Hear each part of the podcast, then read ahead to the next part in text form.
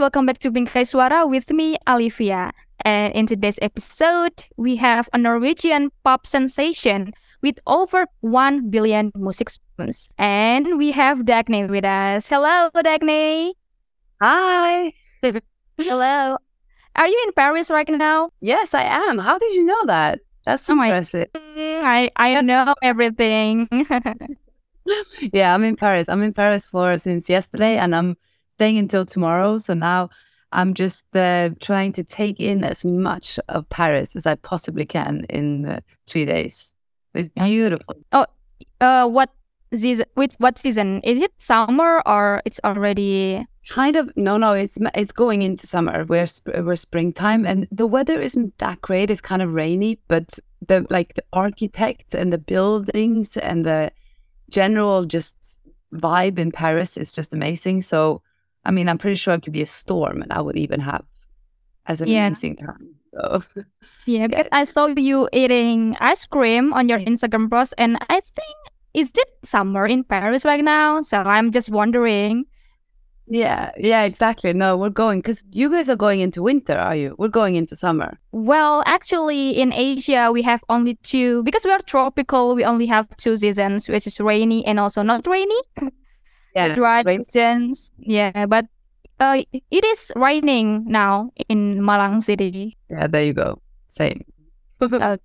Okay, we are in the rainy season then. Okay, but first of all, congratulations for your latest single, Heartbreak in the Making. Thank you. I really like the song because, yeah, that's really my genre though. Yeah, you like it? Yes, of course. I've put it on repeat like three times a day because I really Oh, that's like nice. That Yeah, it's good. Yeah, just a bop, yes. So, listener, just don't forget to listen to Heartbreak in the Making. Well, okay. Well, before we talk about your song Heartbreak in the Making, uh, let's talk about you and also your music career first. Um, you start your career as a duo before in the Tromsø with your friend June, and also you have a musician family with you.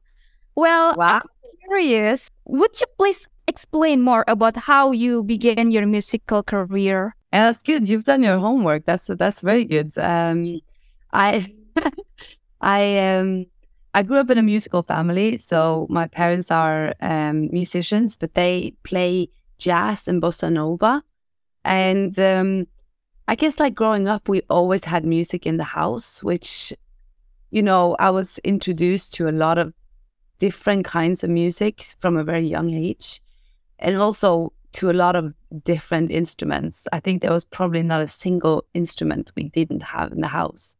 Um, so we were always singing growing up, but it was around when I was 15 that I discovered songwriting. And songwriting became my kind of first dream, I guess, like to be a songwriter more than necessarily being a performing performing artist. And so I started writing song around 14, 15 and and um, then I started playing shows just with the like acoustic guitar and and the few songs that I'd written. So that's kind of how I started. And I was playing a, a lot around northern Norway, where I'm from. But then I moved to London when I was 21, and that's when I really got into a to um. I met a lot of musicians and songwriters that you know they taught me a lot about songwriting and and also about being a musician and and living a, a, a life as a musician, I guess. So so that's when I kind of started getting really serious and and eventually I released Backbeat in 2015, which was my first single. So it's been kind of a journey and the road has, you know, I've made the road as I went along. Um and um yeah, it's been exciting. It's been a good it's been a good ride. Yeah, yeah. And you mentioned that you moved to London and then you pursued your musical career even more deeper than before. And I would like to know uh, what progress, what development that you um, have when you uh, back then in the Tromsø and now you are in London. Like, what is the difference? Yes. Um, I guess the difference between Tromsø and London is really, first and foremost, the sound, like there's the size.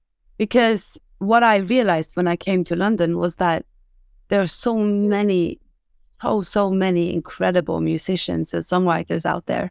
And, you know, when I came to London, I would meet people that were gigging, you know, six, seven nights a week and, you know, just writing music all the time and, and being, you know, really, you know, they were re- being very, um, yeah, they were just working a lot harder than I think I was on my music at the time, coming from Tromsø, where you're, you know, I was gigging around, but I wasn't really, I wasn't really digging into the craft, I guess, of songwriting, especially.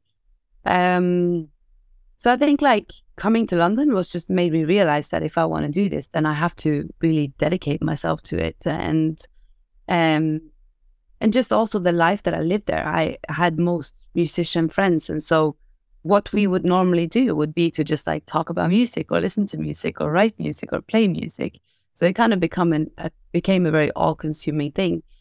And I think also like when you move to a big city from a small town in northern Norway, you also start learning a lot about yourself. You know, I became a lot more independent and I had to make new friends and I had to make, you know, I had to find my own like security within myself and and uh, so I think I grew a lot personally on those years and I think the music kind of just developed with that. Mm, yeah, I mean the result is also beautiful, guys. You have to listen to Dagny's music because yeah, that's the fruit that Dagny has already harvested for all the journey that um, she's been into, right? Yeah. yeah. And talking about your musical journey, I heard that you also established your own label, Little Daggers. Yeah, that's right.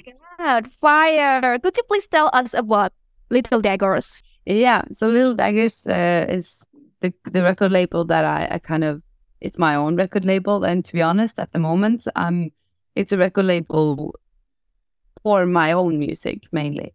And um, the reason for doing that was just because I was um, I was working with a big label from the US for many years, and it was incredible. I it was a really good collaboration, like um, you know, it was a, a good teamwork, and and um, we did a lot of exciting things together. But I realized that you know, I wanted to be more independent. I wanted to be able to make my own choices. I wanted to be able to uh, proceed with the plans that I wanted to make instead of kind of trying to follow their leads. And so, um, so we decided to split ways in 2019, and then I I made the the record label because I wanted to, I wanted to first and foremost make albums and and be able to make these like creative choices by myself and not always having to have like 20 people in an office on the other side of the world, uh, you know, basically making the final decisions um, for me.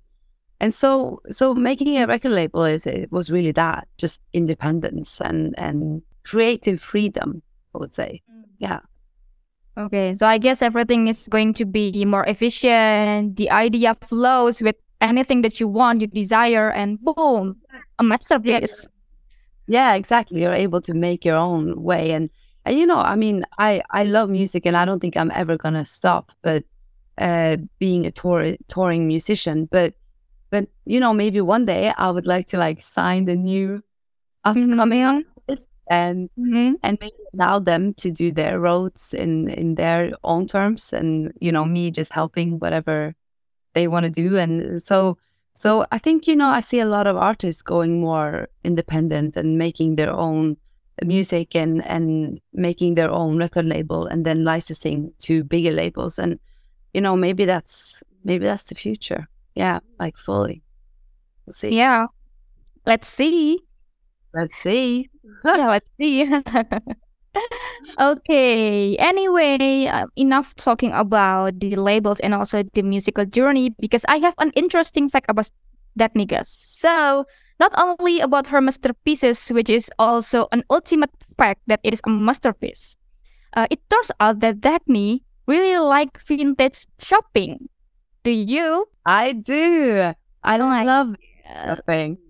Why? Why do you love hunting for vintage things? I why why do I like what what is there not to love? I just I think you know from when I was a like a kid, you know we we would have like you know little um, markets around town that I would go and like just like look through everything and I don't know that the vintage uh, secondhand shopping has just like stayed with me for my whole life. And I don't know, there's something about the excitement of going into a shop and there's like, you never know what you're going to find. And sometimes you have to look through so much stuff to find out one thing that is just like totally unique. And you, you just like, yeah, it's just, it's the excitement of that. And then also, of course, um, like in terms of um, in terms of environmental reasons i think that you know we are producing too much clothes. And um, and i think for me like if i'm done with wearing a jacket and i don't wear it anymore it doesn't mean that that jacket is worn out. It just means mm, that you know it, it should have it can have a life with someone else. But i think that we are becoming you know we've become too we buy and we throw away and we buy new and we throw away and we never repair or we never reuse in the way that we should. And I think that there's becoming a lot more focus on that now, which I think is awesome because that's really the way we have to go. And for me, that's that's a big enough reason in itself. But on top of that, I also just think it's really exciting. And um and I'm almost stopped entirely shopping from normal stores now now I try to use only vintage and secondhand. Okay. And what did you get in Paris right now? Do you get something? I got something. Oh my god. Let me I see. Okay, this is a it's a dress. Oh my god. Oh my like god. Long. Yeah. And it only cost nine euros, which is like I could never get that in a regular shop. Of course. And oh, there's more. Oh my god. Oh my god, guys. So Dagny is now reaching another thing. And I got a cool like summer summer shirt that you can just like button up. It's like kind of hard to see from there. But it's very cool and summery. And then not that long ago, I got some cowboy boots. Oh my god. Cowboy boots. Oh, mine looks as good. Oh guess that's awesome. I everything is pretty, so I hope that it really um give message to us that well, vintage shopping is really good and exciting, and also the environmental reason also um could be considered if you want to uh, go vintage shopping. Definitely. Yes. Okay. Let's move on to your song then. Heartbreak in the Making. Okay. And yeah. this song is also written by Oliver Lundstrom and also Maria Hazell. So you work with both um, songwriters in making this single. And how did you feel working with those two songwriters in your new single? You know, it was actually our first time writing together, the three of us. And it was just one of those like instant um, instant connections in terms of musical, just like preferences and and just inspiration. You know, it, it was a very it was a musical good combination. Yeah. Um, and also they're really nice people. And I think that sometimes when because I always write music with other people, uh, I I enjoy working like that and, and having someone to kind of throw ideas back and forth with. Um, Sometimes though, it's easy to like think when you're sitting in a setting like that that you know everything needs to happen so quick, and everyone just makes wants to make sure that everyone understands that um you know what you're doing or you have some ideas. So people get a little stressed sometimes. Um, but what I really loved about working with um with the Oliver and Maria was that you know we really took our time we didn't rush into any decisions and and we we tried lots of different things before we ended up with heartbreak in the making but once we once we started jamming on that particular idea it like i loved it from the beginning.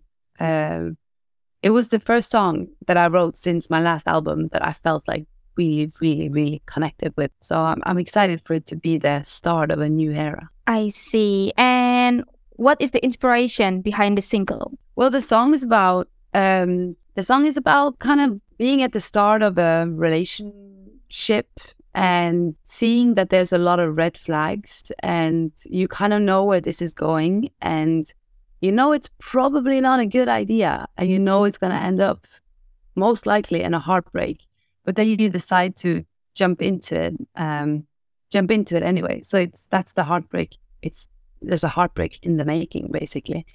Um, Yeah, which I think, like I always say that I compare it to night out with tequila because, like, if you have tequila when you go out, you know where this is going, and you know that you probably shouldn't be drinking tequila because it's just it always ends up being a messy nice night. You you do it anyway because of the excitement and the curiosity and the slight like drawn drawn to it, the adventure of it. I guess so. It's not about tequila. It's just a like a comparing it to a night out. Okay, okay. Thank you so much, Dagny, for coming to the talk show. I'm so glad to see Nice to meet you. Yeah, yeah. We can. Yeah, we cannot wait to see your next project. Everything, new singles, new albums, hopefully, or tours to Indonesia. I guess. I would love to come to Indonesia, so uh, hopefully I'll see you there very, very soon. Yes, hopefully. nice thank you. Nice to meet you. Thank you, listener, for always listening to Bingkai Suara. The podcast will always be available in any podcast streaming platform. See you on the next episode, listener. Goodbye.